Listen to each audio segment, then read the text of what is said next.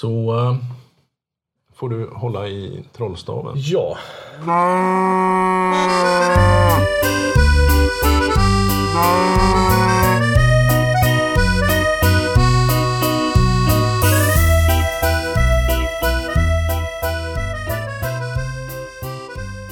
Det här är Ostpodden och jag är Johan.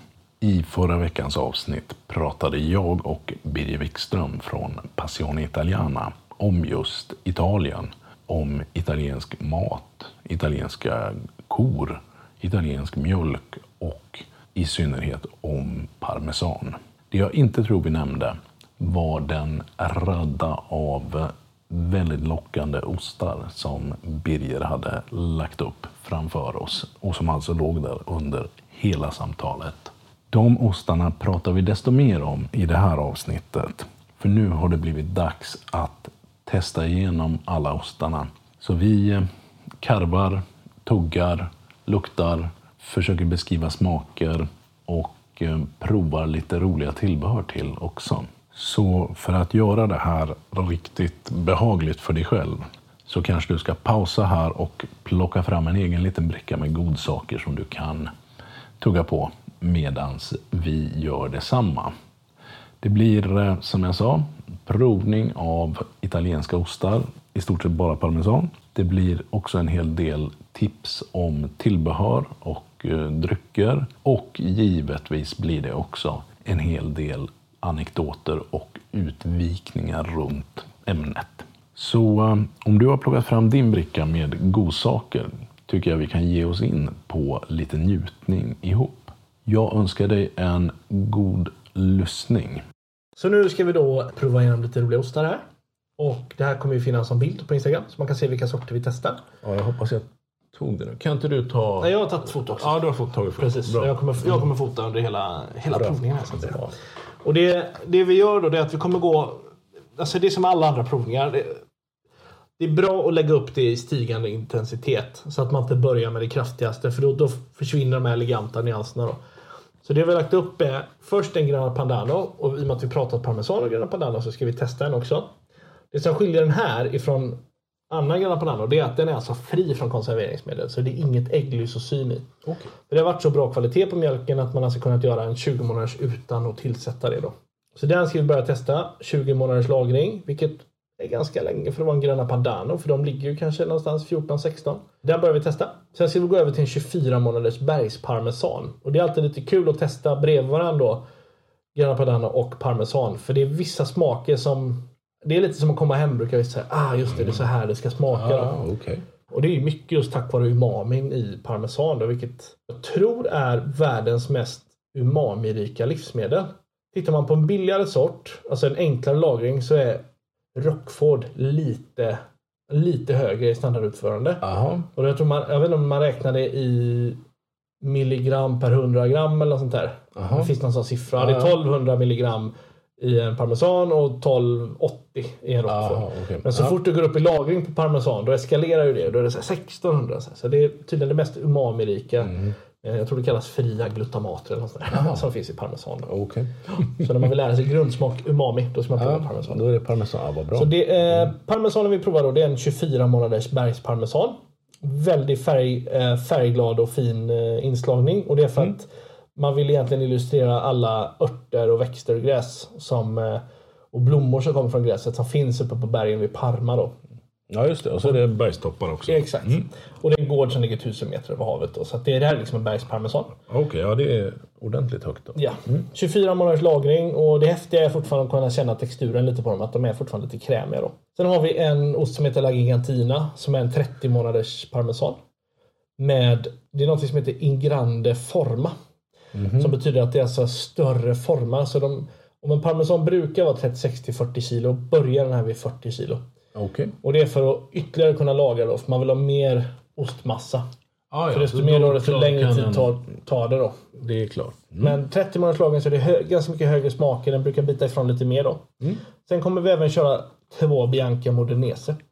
Och då är det en 40, då är det alltså vit kossa från Modena Och det är ett litet ysteri som bara gör en ost om dagen. Så det är, den har en sån slow food presidium-märkning. För- nog- det måste bli två ostar då? Ja, precis. Eller, exakt. Ja, fast en... Mm. Nej, nej, nej, nej, nej. Det är alltså bara ett hjul om dagen. Vilket innebär att du måste ju ha 500 liter.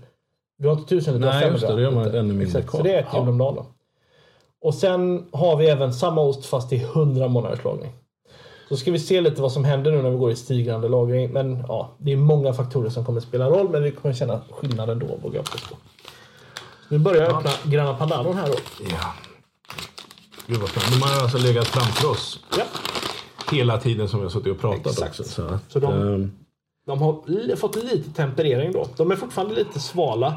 Jag brukar, det är väldigt mycket snack oftast det här med att eh, all ost ska rumstempereras och så vidare. Hit. Jag tycker det är jättebra om man gör det. Men jag vill ändå lägga in lite att det är lite som med dryck tycker jag. att det, alltså, Olika smaker smakar olika vid olika temperaturer. Och ibland kan jag tycka att en gruyère kylskåpskall är jättegod. För att då känner du mineralerna mer. Medan när du låter den ligga framme då, då kommer ju andra de här blommiga tonerna komma fram. Och jag tycker absolut. att det, folk är väldigt snabba ibland med att gå och säga att det här är rätt. Och jag tycker att nej, det beror på vad man gillar i det. Det är typ som att säga att ett vin ska ha en exakt temperatur. Det är också lite, ja, det beror på vad du vill lyfta fram i vinet då. Exempelvis om man vill få ner strävhet i ett vin, då kan man kyla ner det. Då känner man inte tanninerna lika Alltså, kommer, Jajamän. är det så det funkar? Okej. Men här har vi perfekt eh, sån, lite sval. eh, 15 grader tror jag de här är på nu. Okej. Ja, för det kan jag känna rent, rent generellt när det gäller ost i alla fall. Så, så tycker jag att eh, den regel man ska hålla sig till det är vad man själv tycker om. Ja, det är precis exakt. Man, det fin, man behöver inte hålla på och, och, och vara så ängslig över vad som är rätt och fel. Men sen naturligtvis har du en, en, eh, liksom, har du en Taleggio eller något mjukare så... Jag gillar ju att det ska vara ganska krämigt där. Men det, Och det är tydligen väldigt landspecifikt också. Så det var en eh, producent som jag Taleggio berättat att den, alltså de måste skicka ostar vid olika mogn- mognad om de ska skicka det till Holland eller till Spanien. Så där holländarna vill att det ska vara rinnigt så det inte går att hantera. Jaha. Medan spanjorerna vill att det ska vara fastare. Lite, jaha, Så de måste liksom marknadsanpassa sin när de skickar osten. Då. wow. Så då. Nu börjar vi med 20 månaders Grana Padano. Jag har brutit lite bitar här. Mm. Eh, Så jag tycker du får vara först här. Jaha. Och då är det alltid... Ja, lukta lite på den. Det är ju alltid intressant. Alltså ska man vara verkligen så nördanesig här nu så ska man för det första jämföra nyanserna. För då kan man ju då kan man få hintar om liksom, det har varit mer gräs eller mer foderbaserat. För att det kommer ju bli gulare då. Om det är mer. Och då är det väl karotenet i gräset som fångas upp då. Vilket Okej. färgar. Ja. Och så ska man titta då liksom på höghöjdsbete under sommaren. Då blir de gulare de ostarna. Än om det då är foderbaserat då. Ja, okej. Eller höbaserat Mm. då. Så 20 månader har börjat få fin. Fina tyrosinkristaller. Ja men exakt, jag satt och tittade på dem här och konstaterade att det är, vad var det, 20 månader? på 20 den? månader. Ja. Precis. Mm. Så du kan prova första så kan jag snacka Mm. under tiden då. Så eh, ja, det är alltid lite kul att titta om man jämför liksom från mitten på osten ut till kanten. För då ser man ju att den har ju liksom olika, olika nyanser. Den blir nästan lite brunare in till kanten. Då. Och där brukar egentligen, eh, vilket vi kommer se på de större bitarna sen. I kanten, liksom nere i hörnet, så bottenkanten och sidokanten, där brukar de samlas som mest. Då. Men man har lite större tyrosinmängd då, alltså de här kristallerna som samlas längs med kanten. Men den hade väldigt fina, stora, nästan lite så här hagelstora redan då. Kristaller. Ja, här fanns det ju, men det kanske är så, det ser vi sen. Det är ju en väldigt tydlig, eh, ändå en markerad där, gissar jag, den hårda kanten börjar. Den här, är ju, den här luktar jättegott. Jag funderar på vad den luktar. Jag lyckades inte... Jag tar en bit till bara för det. Den luktar ju som den ska, men eh, vad- jag vet inte riktigt. Och Det finns en lite liksom ibland vinös ton brukar jag säga. Man, det, det luktar någonting syrligt. Sen kan man ju inte riktigt... Det kan ju inte lukta syra i något syra i en grundsmak då. Ja, jag tycker den var väldigt god. Och ganska len ändå. Precis vad jag För det är lite... Ibland testar man eftersmaken efter- ifall det blir den här histamintonen, att det börjar bränna liksom. Och de blir ju vanligare i långlagrade ostar, för där kommer de förstärkas då. Men desto bättre kvalitet, desto mer balanserat blir det. Och här då, tack vare att det inte är något lysosym i, eller att de har käkat ensilage, så får man ju ner både beskan och den här liksom histamin. Och jag tror det kan vara kopplat direkt till ensilaget också. Ja, det finns ju ingen beska i den. Nej, eller hur? överhuvudtaget. Ja, den var jättefin. Så. Okej, så nu tar vi då och öppnar bergsparmesanen här då. Behöver vi lite bröd att tugga emellan med tror du? Eller räcker det med Vatten tror jag. vatten? Det är bra. Och här kan vi se lite då att det är en gulare nyans på den här. Absolut. Också väldigt fina tyrosinkristaller i den här. Mm, Vi öppnar den med. Testa. Ja, just det. Jobba, ni jobbar över hela landet? Eller? Eh, Det gör vi. Och ehm, Stockholm är vi ju stört kan man säga då. Jaha. Är det på- där ni är basen? Ja, exakt. Baserade, Stockholms baserade. baserade. ja, Stockholmsbaserade. Så i Stockholm är vi tre personer som jobbar. Vi är bara ett litet företag med eh, fem anställda. Och jag är säljare för Göteborg då. Så jag har hela, hela Göteborgsregionen. Norrut till, Ström, till Strömstad och österut in till Jönköping. Och sen har vi även en, säljare i Skåne då. Som har Malmö och in till Växjö och hela södra kusten då. Okej. Och ehm, går att hitta oss på allt från ICA-butiker till små, små delikatesser. Vissa utvalda Hemköp och så vidare finns det också på. Då.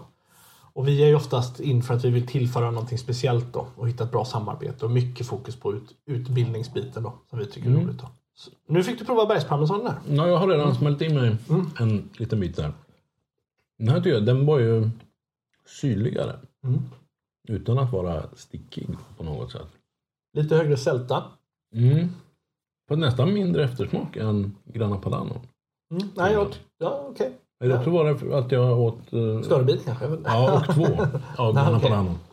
Nej, för jag tycker dels så blir det här, här blir det mer det jag brukar prata om när jag säger jag ska inte säga att den är så vinös än för jag, det kommer komma ännu mer sådana toner när vi går upp i lagring då. Men det är fortfarande här, det är ingen bitterhet i eftersmaken. Nej. Det var lite högre sälta i den. Lite, något lite smuligare då. Det är en liten bit. Ta och testa igen. Mm. Det här är Ja, jag tycker är roligt när man testar ostar. Det är ju att alltså, lägg fram dem Ja, men sällstark. Mm. och så testar man igenom. För den här osten kommer smaka annorlunda närmare mitten och annorlunda närmare kanten. Och oftast är den krämigare här i mitten och närmare kanten så har du mer utav tyrosinkristallerna. Och där kan man också ibland uppleva att den, den blir lite nötigare tycker jag. För att det har varit varmare närmare kanten än varit närmare mitten då. Aha, okej. Den här är ju mer, kanten utsätts ju mer för temperaturpåverkningar än vad mitten Ja, givet. långsammare i mitten då. Ja, kul. Men den var, mm, nu, ja, som du säger, eh, ganska tydlig umami i den. Och sen, Jämfört okej. med Sen har vi den här lilla passusen som jag alltid slänger in här. Mm. Det vi provar nu det är en snapshot av hur det kan smaka. Mm. Så hade vi kört den här provningen imorgon, eller om en vecka, eller om ett år så kommer det inte smaka exakt likadant då. Utan det är väldigt styrt, alltså batch-styrt. Mm. För att det kommer aldrig vara likadant. Så att det är lite jobbigt när jag, när jag brukar dema det. Så, ja, det brukar smaka så här, men jag måste alltid testa varje gång jag öppnar en Ja, ny ost. Oj, då smakar den så här. Så, nu tar vi då och öppnar La Gigantina. 30 månaders lagring. Lite vitare nyansen. Och Det är så roligt då när vi pratar med Margarita, då, vår ostexpert, eller dottern i familjen. Hon slänger sig med att ja, men det finns gröna skimmer eller det finns rosaktiga inslag. Och när hon säger det så ah, fattar man precis vad hon säger. Och hon brukar säga att La Gigantina har nästan en liten rosaaktig ton i sig. Då. Okej. Och den, vad, vad heter den? La, La Gigantina. Gigantina. Som då är 30 månaders lagring. Så vi går upp i lagring här nu. Men Då pratar vi, det är två, två och ett halvt år. Precis. Och det häftiga här är att du ser ju när jag skär den här nu. Att den är fortfarande krämig. Absolut. Vilket är smått ja, fantastiskt. Då. Men när, när jag bryter den nu så vill man gärna bryta den som att, Det är nästan så att det, det ser ut som att det skulle varit fiber i den. Liksom. För Den delar sig så fint. Liksom. Men den är ju betydligt mera, vad ska vi säga, mörkgul. Det, det låter ju illa att säga Mm. Ja, smutsgul, men det är Ja, nästan lite... Det är nästan lite brunt och lite gråaktigt. Eh, gråaktig färg kommer, kan den få då. Ja, nu får du testa här. Då. Ja, nu hugger jag. Och eh, det här är väl kan man säga den parmesanen vi har haft längst, längst på marknaden då. Den är ju ett, ett papper som sticker ut lite med eh, guld och eh, ljus eller halmgula inslag då. Så den ser ju väldigt liksom, presentvänlig ut. Ibland tycker jag att det kan vara lite kul att ge bort en ost i, eh, i present. Och istället för ett vin eller gärna i kombination om det går. Så. Den här var ju... Den var ju, men som du säger, den var... mm, Vad heter det?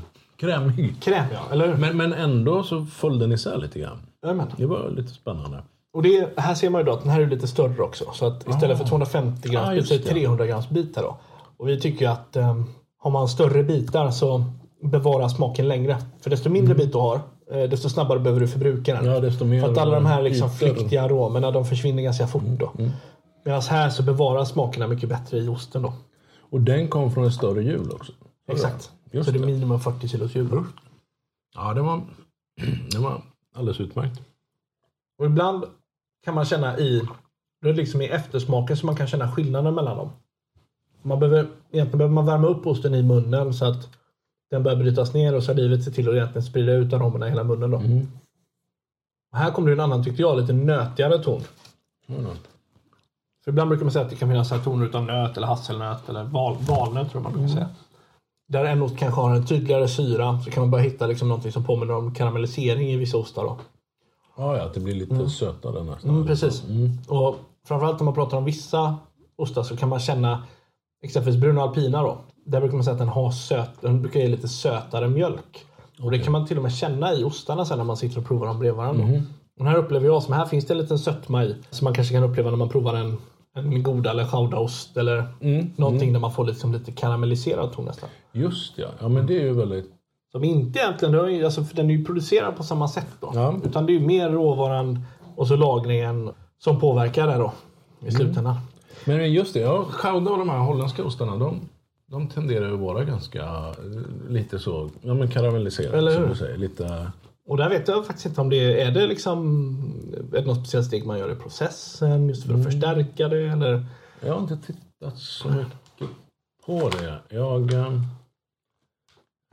jag får kolla upp det också. Ja, men jag undrar om man inte, bra djup, Ja. men jag, jag undrar om man inte värmer dem också under Att man förstärker det kanske ja, genom- och att det har något med saken att göra. Någon form av Maillard Ja. effekt i. Snillen spekulerar just nu. Exakt. Men eh, nu ska jag reda ut det. Så då, nu kommer vi till en lite speciell ost här då. Och då är det Bianca Modenese. Som är då vit kossa från Modena. Och den här är lagrad i 40 månader. Den här osten går inte att få tag på längre. För vi kan inte, de, de, det är för hög efterfrågan på den. Det finns några bitar kvar i hos Alex inne på Capris i Göteborg, i saluhallen. Han har väl de sista kanske som får, går att få tag på. Så tyckte de var god är det dit man får racea då. Ja, ja. Och det är just för att långlagrad högkvalitativ parmesan är jätteefterfrågat just nu. Där man får krämighet, mycket smaker och liksom komplex, komplexa toner. Då. Och när, du- jag tror du nämnde det också. När var drar man, börjar man säga att det är långlagrat? Eller Ja, finns det, är alltså- det flytande, flytande? Jo, men innan kanske man sa att 60 månader uppåt var det långlagrat. Men nu kan jag tycka att 36, eh, 40, då börjar det bli liksom långlagrat. För det är så svårt att få tag på de andra. Då. Eh, och det beror dessutom på fetthalten. För att är det högre fetthalt då behöver du längre för att uppnå den här lite torrare, extremt umamistinna som man tidigare kanske sa vid 36 då, men som har, det har flyttats uppåt. Aha. Och det är ärligt talat, älskar man det här när det sticker till och är väldigt skarpt, liksom, då kan man ta en av sämre kvalitet då, för den kommer snabbare nå det. Men tyvärr får man oftare bismaker med det då. Det vill säga då kommer histamintonerna komma in och beskan också då. Eh, vilket jag tycker man inte ska. För en bra långlagrad parmesan har hög umami, mycket smak, men man vill fortfarande inte känna för mycket beska i den då. Nej, men det är så. Nej, men för vi körde en... Jo, vi körde en eh, provning av eh, gruyère. Där vi hade 12 gruyère, tror jag. Olika ålder och eh, eh, några alpage och några vanliga eh, lagrare. Och där kom vi fram till, det var en, en ganska ung gruyère som vi tyckte bäst om. Den var 36 månader eller så. Och då hade vi ändå den- du? 36. 36, ja det. Och i förhållande här, för vi hade någon som var 72 månader. Något det. sånt. Och det var, ja men återigen, det var kul. Men kanske inte det godaste. Precis. Utan, Ibland är det roligt och eh, det är lite grann man vill uppleva. ja. Men någonstans det är fortfarande balans man strävar efter. Liksom. Att blir det för mycket ut, alltså, det kan bli så intensivt också att man, ja. man klarar bara en liten bit. Sen måste man skölja ner det med någonting lika Ja, skarpt. Ja, vad hade du på den där? Var det, hade det hänt något? Det Eller? har faktiskt blivit ett litet vaxsläpp här så vi ska bara bryta ner en liten bit. För själva osten skyddar ju sig själv. Det är det som är så roligt med parmesan. Så ibland, eh, det kan vara bra att känna till då, men när man har parmesan i kylen Så ibland blir den ju lite vit då. Och det kan också bara mögla, men oftast är det vitmögel som uppstår på den. Vilket det är ju inte farligt. Det är bara att det smakar inte så som man vill att det ska göra. Då. Så det är bara skrapa av. Bara att det, det kommer inte in i själva osten då, i och med att ostmassan är för tät. Då. Ja, precis. Och där är jätte... Alltså, jag brukar alltid förstå och prata om det för folk är så rädda att parmesanen blir dålig. Jag brukar säga att en parmesan blir liksom inte dålig men den kommer ändra smak. Så att när den ligger... Säg att den skulle lägga så att fyra, fem, två månader kanske. Alltså längre, fyra, fem veckor eller två månader. Så här. Någonstans då så har den tappat de här väldigt eleganta fruktiga aromerna som är från början. Och då lagar man mest mat med den. precis. Och det är till och med så att när jag har kommit en bra bit min par- jag slutar plastra den i kylen då. För att då vet jag att det är egentligen det som är kondensen är ju problemet. Det är den som gör att man tillför en miljö som möglet kan börja växa i och då får du mögel.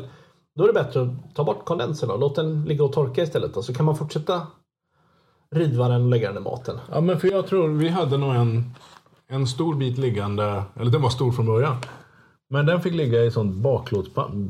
Bakplåtspapper Ja, heter det. det. Mm. Och den låg nog ett och ett halvt, två år. Jajamän. Och så skrapade vi av lite då och då när vi käkade. Och det funkar. Och desto större bit då, desto bättre bevarar den smaken inuti. Då. Så nu ska vi testa här. då. Och den där var ju ännu, Och det är det här med du sa, lite med ännu färgen. mera brun. Mm, Ja. Precis, nu börjar det komma liksom lite brunare inslag i den då. Nu ska jag göra så här. Nu ska jag här. 40 månader. 40 månaders En vit ko. Mm. Bianca Modenese. Oops. Och det är nästan så att man ibland kan börja sma- prata om smaker som... När, när jag väl börjar prata om vintoner, då är det kanske att man tänker sig... Det är en syra som är snygg men inte oangenäm. Och att den kan ha fruktiga inslag. Att man nästan hittar lite... Du kan hitta aprikos eller torkade frukter i den på ett sätt då. Och sen kan du få nästan att någonting får dessertvinstoner, men då är ju det förstärkt då. Då får man även en upplevd sötma från det då. Men sen så kan man, alltså det känns som att den här karamelliseringen och nötigheten, den aspekten, den kan förstärkas åt många håll också med lagring. Och sen kan man ibland få lite komplexa, nästan lite stalliga toner kan dyka upp i den också då. Man kan hitta toner som torkat hö eller just något nästan animaliskt i den sådär då. Och här ser man ju också stora tyrosinkristaller har blivit mycket mer smulig. Ja, men de här är, det är ju ja, flera millimeter. Ja, eller hur? Det här är verkligen hagelstort liksom. Rejäla bitar tyrosin i den här då. Men det, det kom en jävla skjuts på slutet. Liksom. Den smakade bra och, och, och lite sådär som jag kan... Ja, den hade lite kvalitet av en bra mjuk kittost också, tycker jag. Det, det som man skulle kunna kalla lite unket. Men ja, stall kanske. Men nu, i den här får jag en ton då som när man faktiskt börjar prata om liksom man börjar prata om alpostar. Mm. Så här finns det ju en ton då som, som man kan hitta tycker jag i de här, ett vass och de här. Att det är som en, det är ju extremt mycket umami nu. Den är ju fortfarande, den är smulig men krämig vilket är den här härliga, härliga paradoxen. Att det, det, man behöver inte dricka vatten för den bara försvinner liksom. Mm. Men den var ju jättetorr samtidigt Ja, eller hur? man började... Åh vad torr, eh, fast tugga vänta nu, det bara försvann. Och så bara upplöses fint i munnen då. Mm. Jag måste ta lite till här för det här var jättegod. Ja, den var ju, den var ju jättesnygg också. Den måste du plåta så som den står där. Absolut. Ta en bit också här. Och sen i eftersmaken då. Och det är lite så här, man, alltså jag tycker man bedömer ju ost liksom på samma sätt som när man pratar om vin då att du har ju olika delar av smaken. Liksom. Du kan få en initial smak, du kan få ett, eh, liksom, någonting som kommer när du har det i munnen, du kan få någonting sen när du sväljer då, som en svans eller vad man ska säga. Ja, men det var... Och eftersmaken är ju en del tycker jag i bedömningen. Så det kan vara något som är jättegott men du vänder om och så är smaken borta. Men här fortsätter det utvecklas. Exakt. Och det kommer nya smaker. Och här fattar jag nu när man pratar om kittos då att ja, det var inte det första man kände. Nej. Man hittar den tonen efter, liksom efter ett tag då. Och inte för salt heller. Ja, det här, här, här är gott alltså. Så nu då, som lite final här. Så har vi alltså en Bianca Modenese som är lagrad i 100 månader. Vilket är 8 år. Och det här blir ju lite extrem ost. Färgen på den är ju liksom... Ja, det här ska jag ju ta en bild av nästan innan vi delar. Då. För färgen på den är ju... alltså läderbrun på kanterna. Och orange på ett sätt som påminner om så här Reipenär eller riktigt långlagrade eh, holländska ostar. Liksom. Och det här är, ja, det blir en speciell ost. Och det är ungefär som att om man tänker sig då smakerna vid 40 månader, de blir extrema här. Det är som att alla parametrar skruvas till. Så var det hög karam karamellisering, ja då blir det ännu högre smak utav det. Mm. Var det vinösa toner, då blir det ännu högre smak utav det. Men det vi ska känna för det här efter var då, samma tillverkare också? Exakt, och det är samma gård då. Ja, de två senaste Exakt. här. Mm. Men det som är intressant nu, om vi tänker på 40 månader som vi provat nu. Känner du någon beska i den? Någon histamin? För annars brukar man ju känna det efter att det kan bli lite kliigt så här. Det är lång smak, men det är ju inte någon beska och inte någon... Absolut inte. Nej. Ska jag ducka ur bilden? Nej, nej, nej, det gör inget. Du kan hålla den till och med kanske. Ja. Ännu hellre. Håll den så. Så. Exakt. Så kanske. Det blir perfekt. Det blir en sån bild. Det var en riktigt bra bild. Kanon. Ja, den kanten var ju någonting i Precis. Och här nu kan vi börja prata om att det nästan blir lite brungrå. Liksom Ja, längs kanterna. Men kärnan fortfarande har en orangeaktig ton. Mm, mm, Nu kan få ta den här och lukta på den. mm. Och här är det något fruktigt då. Exakt. Som är, och det, ibland så är det nästan just att det smakar Alltså det kan smaka Vinsanto eller liksom ett, ett moscatellvin. Det kan vara så här aprikoser, körsbär, Ja, men russin, ja, chokladtoner. Så den här är ihop med just ett sånt vin. Det är gott. Och här sitter vi och dricker vatten på söndag Men vi har eftermiddag. lite kombinationer vi ska testa till här då. Mm. Och det häftiga här då det är att det här är ju torrt. Men det går fortfarande att skära i alltså. Mm. Jag har testat. Gör det. Dryck in det. Så nu är det ju det är torrt och det är väldigt intensiva smaker då. Så att jag hade ju hanterat den här osten likt ett, eh, ja, men likt ett dessertvin. För det drar man kanske inte i sig ett rejält glas direkt då. Mm. Men jag brukar också fortfarande tänka just att man bedömer hur är eftersmaken. Är den skarp? Kommer det histamintoner? Den här varierar ganska mycket. Eh, Det här är den som varierar mest utav dem. Som jag sa, antingen extremt karamelliserad eller extrem frukt då, vilket är lite intressant. Då.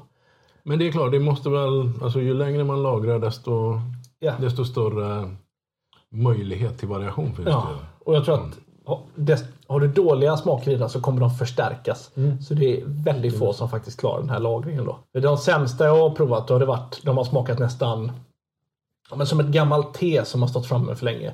Det är, det är en platt död tebeska utan någon, eh, liksom någon fruktighet eller någon intressant dimension i. Och så finns sältan där och då känner man att ja, det här kan man lika gärna riva på en lasagne. Liksom. Men det är inte en upplevelse som, som står sig själv då. Har du folk som kommer tillbaka och klagar på, som har förväntat sig jättemycket av en sån här ost? Och tycker Nej. att det här var inte...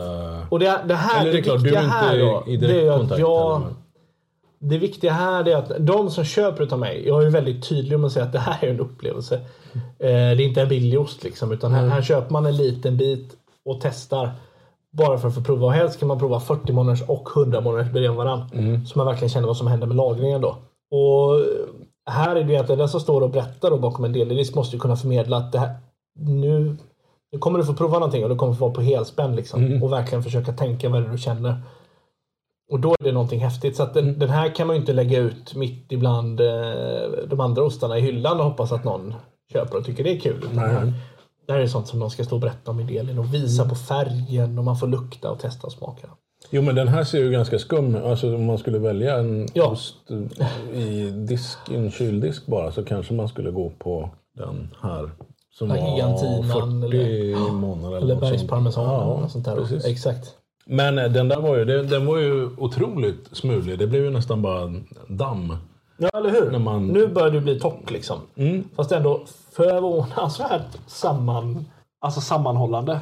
Vilket det är. För den är ju ändå åtta år. Jag vet inte hur mycket ostar. Det, det finns ju ett gäng ostar. Om man tittar på norditalienska ostar som exempelvis Bitto är en sån norditaliensk ost.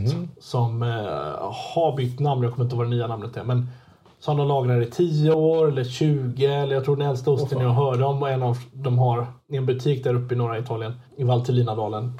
Som var, finns på en butik där de har en ost från 1989. Okej. Som visst, då är frågan är det gott eller är det mest... No. Att det är roligt då. Ja, turistattraktion. Så. Ungefär så. Det är en druvton i den. Jag hugger nästa. Oj. Här kan vi prata sötma också. Och sen var det något på långt. Det var typ två eftersmaker på den tyckte jag. Först en första eftersmak och sen en andra långt, långt efter. Nu sitter jag bara så här. Kommer det histaminer? Kommer det bästa beska? Inga histaminer, men man känner att det finns en liten... Alltså den är ju förvånansvärt vital för att vara så, så långlagrad då. Mm. Och det här minns jag, det var en som en, en butik jag sålde till. Jag sa det att den kommer vara smulig och torr. Men reaktionen där var nej, tycker jag inte alls. Det är perfekt. Okej, ja, vad bra då. Då hade du rätt förut. För Men hur är den? Är ju, förutfattade meningar då. för den är ju, tycker jag, först tydlig liksom karamell. På något sätt. Och sen kommer det här druva russin. Ja. Och sen, och sen är det en eftersmak. Och så är det väl en svans då. som du precis. Mm. Där är det som att där samlas. För det är inte... Och det kan vara så här att den syran som finns i den döljs utav den här lite söta frukttonen då. Just det. Hade man plockat bort den hade den kanske upp- upplevts som mer syrlig. Mm, mm. Att den är så nyanserad. Mm. Och slutet så ligger sältan kvar lite. Men ingen beska. Det är det jag väntar att det ska bara klia i munnen nästan. Men det gör det ju inte då. Nej. Är gött. Ja. Ja, vilken samling. Just det. Okej, nu då. Nu har vi testat massa ostar och förhoppningsvis har du fått känna lite olika, alltså att det verkligen är olika nyanser i dem. Och det här kan gå från eh, subtila nyanser till väldigt kraftiga skillnader då. Och det är det här man pratar om när man pratar om, ja men, jag hörde på en amerikansk osthandlare som sa att hon tänker på det som champagne. Det är ett område, eh, men det kommer skilja jättemycket oberoende på var det kommer ifrån. Och det, visst, det förstår man ju. Allt smakar ju parmesan, men det kommer vara jättestor skillnad då. Men hur många olika tillverkare är detta? Det här är fyra gårdar vi har just Fyra år? Exakt. Och de två, eller de tre, till och med är ägda utav Montanari Grussa. Och sen, det här är ju en gård då som de får handla osten ifrån då. Och det är beroende på vad man vill ha. Så det är vad de letar efter då. Och de är ju väldigt så, Montanari Grussa när de, när de säger att de vill ha en jul av en speciell sort. Då skapar de en relation med den familjen som driver den gården där, eller det ysteriet då. Jaha. Så det, det är inte liksom att man kan gå ner på en, stora parmesanlagret på torget och köpa utan det ska ju vara där det finns gårdar då som följer samma värderingar som Montanari Grosso har då. Okej. Och gärna jobba med de här ursprungsraserna eller de som de ser som sina utvalda. Om inte så köper de in och, ser till att de har dem på gårdarna. Då. Jaha, till och med det. Ja. När du har som mest komplexitet då. Mm. Men nu tänkte jag att vi skulle få prova lite tillbehör till. Yes. Och då har jag med mig från en liten producent uppe i Veneto som heter Lassaris. Som gör olika typer av mostardas och marmelader. Och en, alltså mostarda är, det är konfiterad frukt med senapsolja. Så det man vill åt då det är ju liksom sötman från frukten och att konf- konfitera den med socker så att den håller. Och sen har man även i senapsolja vilket är konserverande men det, det schyssta med det är att det, det blir sött och stall, salt men också fett och starkt. Då. Så att när du käkar en ost och har det här till så kommer det söta och salta mötas. Men den lilla hettan i senapen kommer rensa munnen snyggt från det feta. Och det är så egentligen vi använder senap. Vi har ju oftast kanske lite feta Ja. detaljer i Ja, det är då. sant. Och det är det, den funktionen, att den rensar ju liksom munnen då. Det är samma med beska i öl eller med syra i vin då. Är senap våran wasabi? Det är en bra beskrivning. Slår det minne? ja. Nej men faktiskt. Just för att ha...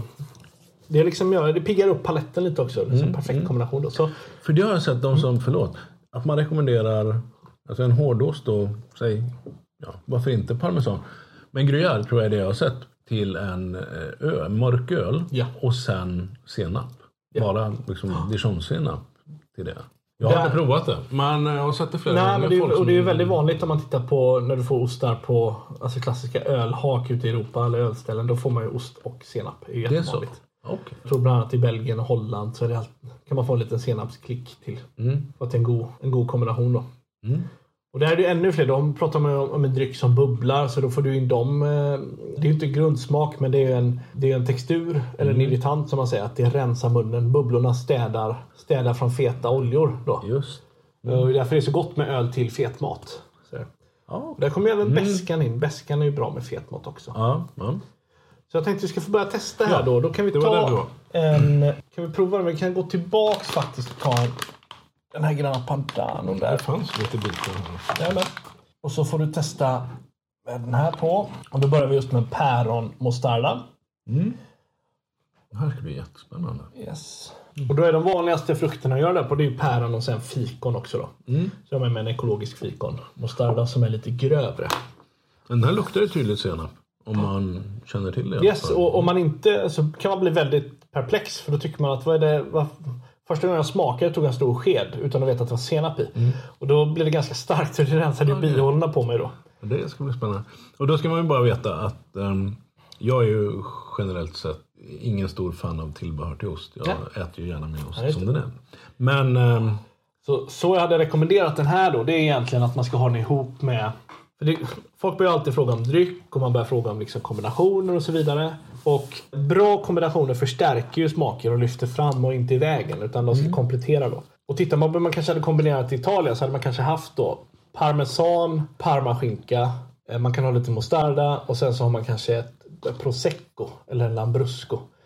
Inte då, för folk går direkt och börjar tänka på kraftiga rödviner och så vidare. Och det mm, till de kraftigare ostarna eller längre lagrade. Men jag hade ju inte plockat fram Amaronet till bergsparmesanen eller något som är lite elegantare. Utan då är det bättre att köra på vitt bubbel. och de som du sa där, de är lite söta också. Nå, jo, jo, det kan man säga. Med, med betoning på lite söta. Lambrusco är en sån jätte... Tyvärr lite misshandlat varumärke i Sverige för att det har funnits en sort som heter Donelli som var det känner jag. jättesöt. Men en Lambrusco är generellt torr med lite restsötma. Och det är rätt häftigt att få ett rött mousserande vin. Det är det de... Det är det det Ja, är? exakt. ah, just det. Jag känner igen det. Men mm. Och det är väldigt vanligt då just i den regionen då att man har eh, Lambrusco. Eller Prosecco då. Vitt eh, italienskt mo- mousserande. Som också har lite restsötma eh, med betoning på lite. Eh, men har ganska fruktiga nyanser då. Där du kan hitta lite päron och lite ananastoner och sådär. Vilket gifter sig jättebra ihop med den här också då. Mm, mm. Sen har vi även lite finare italienskt som Franciacorta exempelvis. Som från öster om Bergamo eh, gör man då ett mousserande, eh, alltså på traditionell metod, det vill säga man gör champagnemetoden, men man får inte kalla det det. För Nej, det just där då, som heter Franciacorta som är väldigt svårt att hitta, tyvärr. Ja, det jag är tänkte- jag supergott, om mineraliskt. Det finns här i Sverige. Dyker upp jag ibland det, som småsläpp på Ja, ehm, bolag. Och man, men man kan hitta det på restauranger som är italiensk inriktning. Okej. För de är ibland lite snabbare på att plocka upp roligare drycker. Då. Ja. Finns Det det något jag. likvärdigt som jag kan hitta Ja, det på går att bolaget lite då. lättare? Mm, alltså då kan man titta på Prosecco, Prosecco-sorterna och där kan man hitta lite roligare sorter. Då. Men för mig är Franciacorta det är, det är Italiens motsvarighet till champagne just för att man vågar lyfta fram mineraliteten i dem. Så att de supergoda. Värt, och framförallt om man är i Italien, köp, köp med lite Franciacorta. För de är väldigt prisvärda också. Eh, Och då, man kan säga Prosecco brukar ligga, det kan ligga från 70 kronor till 119 medan Franciacorta brukar börja där och gå upp till 300 kronor. Så det blir som ett litet mellanskikt. Då. För bra champagne kan man ju lägga 700 000 kronor på. Då. Men en riktigt bra Franciacorta i Italien ligger på 300 kronor. Ja, okej. Ja, men det är ju överkomligt. Yes, exakt. Vad tyckte du om den? Det var, det var jättegott. Om jag då inte gillar tillbehör till ost Mm. så är jag ju stor fan av senap. Så att, Ja, men eh, kul. Och den har ju lite den här, just, just när man får in den nyansen. För att Mm. annars så, mycket av den marmeladen och sylten, den- den blir övermäktig. Och det blir liksom, den ger inte utrymme till något annat. Eller så blir det inte det här grundsmakspelet i den då. Och nej, det men jag tycker det, det, det blir nog bara sött. bara jag ja precis. Ja. Och det är klart, har man en väldigt elegant ost då så det, då kan man lika gärna strunta i det. Då. Utan det är först när du har ost, ostar där du känner att du har samma typ av höga intensiteter du faktiskt kan matcha och plocka fram andra smaker. Då. Och nu ska vi testa här också på fikon, Var, var det också en sån där mostarda fikon där? mostarda gjort på ekologisk. Och då tar vi den till. Vilken fick du? du fick den. Den där körde gröna pannan nu. Kan vi köra den här då? bara för det. Oj. På något sätt så har, jag gillar den här bajsparmesanen. Favorit faktiskt. Mm. Jag gillar den bara för att, ja men, Snygg förpackning också. ja, snygg förpackning och um, mm, ja men bajs, jag har ju något. Mm. Man har fäbless för berg. Ja. Så fort det är det då. Och här, fikon kan ju upplevas tycker jag ibland som lite sötare, lite mustigare. Mm. Så den här kan jag tycka är lite kul att ta in när det blir egentligen kraftigare. Kraftigare smak på ostarna då. Den blev lite pepprig. här långt fram på tungan. Det blir lite peppar så kändes det som. Det förväntar man sig ju inte av fikon. Nej. Och det är för att det är mycket fikonmarmelad som nästan kan vara lite så här. Är den gjord dåligt så kan det bli lite honungskladdig. Alltså att den, Mm, ja. Det är inte så mycket frukt, det blir nästan bara sötma. Mm. Och när det är det utan frukt då kan det nästan, tycker jag, bli lite kvalmigt. Sådär. Mm. Men det är mycket senapen här i och att det är de ekologiska fikonen.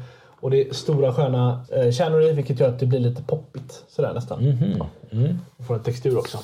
Och sen har jag även med mig en liten eh, rödlökssalsa som du ska få testa också. Supergod till liksom eh, getostar. Eh, jättegod till man tänker sig chèvre liknande ostar. Ja. Eller vitmögelostar då. Det är kul med den lite rödlök. Den kan du få prova bara som den är. Jag kan ta skeden direkt här. Så den här är alltså inte senap i utan det är en Bara rullar. rödlökssalsa då. Men, mm. Lite högre syra. Ja, men det kan jag tänka mig att det funkar till. Ska vi se, nu har vi inget sånt. Trolla fram något. Ja, jag, jag har nog ätit ur ganska effektivt det som finns också. Men sen har med två saker till då jag tänkte vi skulle prova. Det, det är balsamico. Ha, Från Mårderna. Till ost eller bara Ja, för att... för det är väldigt många som pratar om just balsamico till parmesan. Mm. Det är jättegott, men jag tycker man ska spara det tills man kommer upp till de här kraftigare, mer långlagrade. Mm. För att göra dem på de... Det här är liksom intensiva smaker, men jag tänkte du sk- du skulle få jämföra nu och prova då en treårig och en som är lagrad 7 till 8 år. Mm. Ungefär då. Okej. Och det finns ju balsamico som är lagrat ända upp till 25, 30 och så vidare då. Okej. Eh, Och det som händer är att man lägger dem på fat som kan vara körsbär eller valnötsträ och även ek där man låter det naturligt avdunsta. Så att först gör du en, en must utav druvorna som du sen kokar ner tills den blir tillräckligt, tillräckligt kondenserad liksom och nedkokt. Och där får du oftast även karamellisering i den då, vilket gör den mörka färgen. För man har både vita och mörka druvor i den då. Jaha. Och det är så man kan göra exempelvis vit balsamico då. Där Ja, du inte vill ha Har man bara vi- vita Ja, exakt. Mm. okej. och sen får den ju stå på fat och då går den från större till mindre fat. Allt eftersom avdunstar så flyttar man över den. Aha. Och då får den naturligt koncentrerade smaker. Jämfört med när man kör, man tittar på en sån här krema, de är lite billigare oftast då. Där har man bara kokat ner det. Kokat det tills det blir egentligen trögflytande. Och de, de, det vanligaste är att man har massa förtjockningsmedel och lite sånt i. Santangummi och allt sånt. Vi har ju en krema från den här producenten som är helt, helt tillsatsfri. Bara lite sulfiter men det sitter på skalet på druvan så det är inte tillsatt då. Men kreman, det är, då är det liksom bara ner... Reducerad druvost. Lagrat. Exakt. Det är kokt tills det. Så man har Ah, inte okej. lagrat Nej. det utan du har bara kokat ner det tills du Okej. får den, den koncentrerade smaken. Då. Ja, det är klart att det, det blir dyrare än att, bara ha i lite santangummi Ja, så att eh, exakt. stelnar. Så du ska få smaka. det? Jag ska bara hämta två skedar. Du, ja, du har en sån en provsmaknings... ehm, vad heter det? Eski. De här. En kylväska. Jajamän, Ja, det precis. måste man alltid ha med sig. och det viktiga nu när du ska prova är att du får prova på en eh, plastsked. Mm. Inte metall. Mhm. För att eh, det ärgar för mycket på metallen och du får bismaker. Så man ska aldrig ta det på en vanlig kökssked om man ska testa balsamico. Okej. Utan ska det vara fint, man kan väl ta vad det man tar till kaviar, det ska vara pärlemor eller något sånt där. Någonting Aha, som inte... okej. Nej, sådana skedar, det hade jag inte. Men vi tar Men det var därför jag inte fick ta plast. fram några skedar. Exakt, för jag sa vi har vanliga hederliga plastskedar då. Så först ska vi prova den här Tasto Balsamico. Och då vill man ändå se att den är liksom lite rinnig. Utan massa förtjockningsmedel och sånt. Utan naturligt eh, naturligt avdunstad. Och då får man ju i, för pro- provar de här enkla kreman så brukar de smaka nästan bara farinsocker. Men här finns det ju toner då av russin och korinter och man kan få lite choklad och mycket smaker och ganska komplext också då. Jo, men nästan lite eh, kaffe i den här. Japp. Mm. Ja, det där skulle jag kunna smälla in med hela flaskan. Eller hur? Och det är, det är ju inte helt ovanligt också att man tar en liten hutt efter maten. Alltså att man har den som en vad heter det, en digestif eller något. Alltså mer som en eftermaten-dryck. Så man kan dricka den nästan som den är då.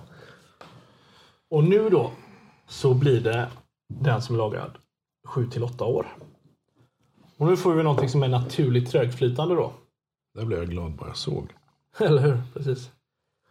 Och nu känner man ju vad som händer med smakerna då. Att just när du sa kaffe, lakrits. Eh, ibland kan man känna fatet, alltså att du kan få en fatkaraktär i den. Och det ännu mer just koncentrerade smaker då.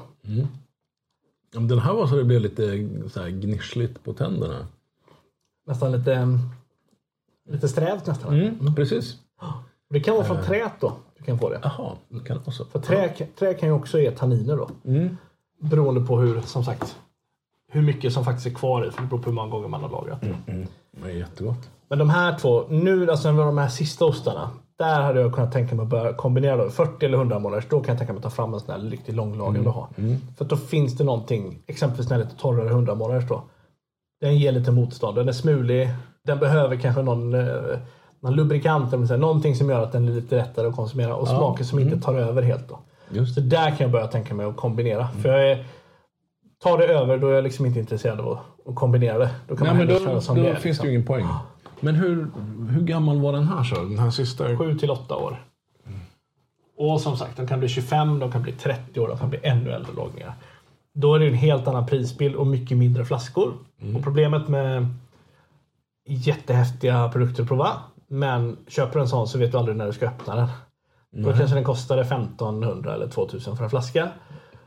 Och då sitter man och väntar på det här perfekta tillfället. Då. Medan den kanske ligger på 140 kronor eller sånt där. Den vågar man ju öppna. Ja, ja. Det är ju som en uh, hygglig flaska vin. Exakt. Precis. Det vågar man ju prova. Då. Hade du något mer i provningsväg som du ville tillägga? Nej, jag tror att vi har berört det mesta nu utav, utav grunderna. Så att säga. Sen kan man faktiskt gå in mer då. Man kan, man kan mer grotta ner sig på de olika koraserna. Man kan prova en, just lite som vi gjort med Bianca Modnesnär, att man försöker hitta ost från samma gård och testa olika lagringar. Men det vi ska lösa sen är att du får vara med och testa när vi har delat parmesanhjul. Ja, precis blir- nyöppnat och få känna just på hur det är, den texturen precis när man har delat det och tempererat det perfekt. Då. Och sen är det väl med dryck så brukar jag säga att tänk på intensiteten bara när det ska matcha. Så även om de flesta vill direkt gå och rekommendera Amarone så brukar jag säga nja, tänk smaka på osten först, se om det verkligen funkar med det. Ja, för det har vi faktiskt inte pratat så mycket om. Du pratade om um, Lambrusco och Prosecco. eh, Prosecco Just det. heter det. Men om, om vi ska vandra vidare lite grann då. För det pratade du om framförallt på Grana Padano Eh, exakt. och den Alp... eh, Precis, 24. Bergs. Men det är fortfarande så även om det är en som Lagigantinen kan fortfarande vara ganska elegant då. Eh, är den kraftigare då kan man börja gå och ta, upp, ta, lite, ta röda viner. Men jag, jag är ju lite sådär att kanske ett enklare Chianti eller ett, ett eh, vad heter det, något som inte är för kraftigt fortfarande. Man kan gärna börja blanda in röda viner då. Eller ett fatat vitt. Vilket jag tycker inte krockar för mycket. Nästan, det är nästan enklare att gå på vita spåret tycker jag. rött då. Medan när man börjar komma upp hit då. Här kan man börja tänka sig kanske som den 40 månaders osten. Ja, men där kanske man kan ta liksom börja röra sig mot Nebbiolo-viner. Alltså Barolo eller för er som inte har provat det, Nebbiolo från Valtellina. Aha. Det är, Valtellina är en dal i norra Italien där man också gör med Nebbiolo-viner. Extremt goda viner som det finns några på bolaget men så gillar man Barolo då borde man börja testa dem för att de ligger i en helt annan prisklass då. Så bönderna i Valtellina är lite, de, de är inte jätteglada på jordbruksminister för de tycker att alla känner till Bresaola som kommer härifrån. men just det. inga känner till våra viner. Jaha, det är samma region? Samma region ja. Jaha, okej. Och de är jättebra hårdostar där uppe också. eh, Och, vilket då matchar vinerna. Ja. Så Valtellina, Nebbiolo. Absolut. Men sen då när man kommer upp till 100 månaders här och den typen av utav intensitet. Absolut, då kan man köra kraftigare röda viner också. Men det är nästan så att jag ibland vill gå över till dessertvin kring det här. Ja, det var det jag tänkte. Det här spåret med liksom ett Vinsanto eller Moscatel eller just ett orange dessertvin som har den typen av... Alltså det blir lite harmoni då. Mm. Eller som du har provat innan, barley wine. Jättegott. Då Ja, får jag har tjatat lite också. om det. Ja. Ja, barley wine är en sån fantastiskt bra tycker jag. Dryck att kombinera med ostar. Alltså Mm. kraftigare, fylligare ostar. Lite mer alkoholstunds. Bubblorna. I den mån de är kvar. För när alkoholen Ja. går upp så försvinner ju bubblorna. Ja, barley wine är ju inte sådär jättebubbligt. men det är, ligger de där, vad heter det? 8-9 procent. Då brukar ändå finnas lite sprit kvar. Det är ganska kul att få med den. Liksom. Ja. ja, vi hade ju på den provningen vi gjorde Mm. för ett par avsnitt sedan så hittade vi ju böter Ja, bötet barley wine var det. Just det. som var lagrat på Oloroso-fat. Just det. Det blev sjukt bra till blåmögelost. Det kan jag tänka mig. Ja. Det var en sån där, för det är ju, det var ju rätt sött i sig. Och Mm, liksom, ja, men mycket sån här torkad aprikos och, och grejer. Vilket måste ta hand perfekt om sötman, äh, sältan och umamin i osten. Och Ja, egentligen låta de andra Den var ganska spela stickig den vi provade. det. Det. finns ju en, ja, ett ganska bra spann på blåmögelost också. Men den här Ja, var ganska stickig och salt. Där tycker jag det är kul. Och, och, men, men just ibland är jag lite så här, jag vill inte dra en generell, det här kommer vara gott till. För att det jag egentligen vill är ju att förmedla att parmesan är inte en sort. Parmesan är, det är komplext, det är många olika smaker. Det är, det är olika texturer och det beror, det beror på helt enkelt. Så man kan testa, när man har upplevt det som fetare, men prova att ta en IPA då. Testa med, med beskan. Men ibland är jag rädd att det kommer vara för kraftigt. Och jag hade ju inte kört någon av de här liksom juicigare New England-iporna till. Jag tror inte att det kommer funka alls. Liksom. Utan mer i så fall att hitta någon där det faktiskt finns lite karamelltoner i och köra på det spåret. Då. En, en, eh, en IPA från 2010, så som de var då. Ja, men precis. Mer maltdrivet ja, men humledrivet. Ja. Liksom. Ja, men du. Ja. Några grejer till bara. ja. För nu har vi pratat om att äta parmesan som den är. Och det är ju, kan man ju verkligen göra. Har du något tips på vad man kan göra med den? Mer än riva den och, och strö den över pastan. Och där är det ju alltid såklart, tänk på smaken och kraftigheten i den så får man ju det kommer även förstärkas när man gratinerar då. Och det är ju därför det är gott att ha en kraftigare parmesan på eh, som gratinerat. Eller en lite elegantare kanske i en sallad. Sådär då. Klassiskt. För det andra man kan göra med den, det, det finns ju jättemycket roliga... Alltså att använda det som, som en krydda, det vill säga du, du har den när du lagar kött. Om du skulle exempelvis göra en tar och ska rulla ihop sidfläsk. Mm, Då kan man ha den och låta den binda och både förstärka sältan. Så att du kanske blandar den ihop med eh, vitlök, salvia, lite olivolja, salt. Eh, salt behöver inte ha lika mycket då, med lite peppar. Och så får den vara bindemedlet i köttet när man lagar till det. Ja, Det är ja. ett jättegott sätt att använda det. Det finns ju de här klassiska parmesanflan och alla de här. Ja, exakt vad jag Som alla- på. Men, exakt. eh, ja, det är inte dumt det heller. Och sen är det absolut kul att börja fortsätta kombinera med andra saker, det vill säga testa det med eh, choklad på olika sätt. Och det är ju en liksom sån rolig italiensk kombination är att köra olivolja med chokladglass. Jaha. Funkar jättebra. Och parmesan och choklad är en rolig kombination. Så då kan man ta in den som, då blir det som en smakbrygga sådär då. Ja. Men hur har man den då? Flan, inte tillagad. Man gör Man hyvlar flan- på. Ah, Nej, okej. utan man hyvlar på så att det blir parmesan. Lite större bitar liksom. Men, men tunna. Ja, precis. Eller ihop med choklad då kan man testa. För det är också en Ja. sån grej.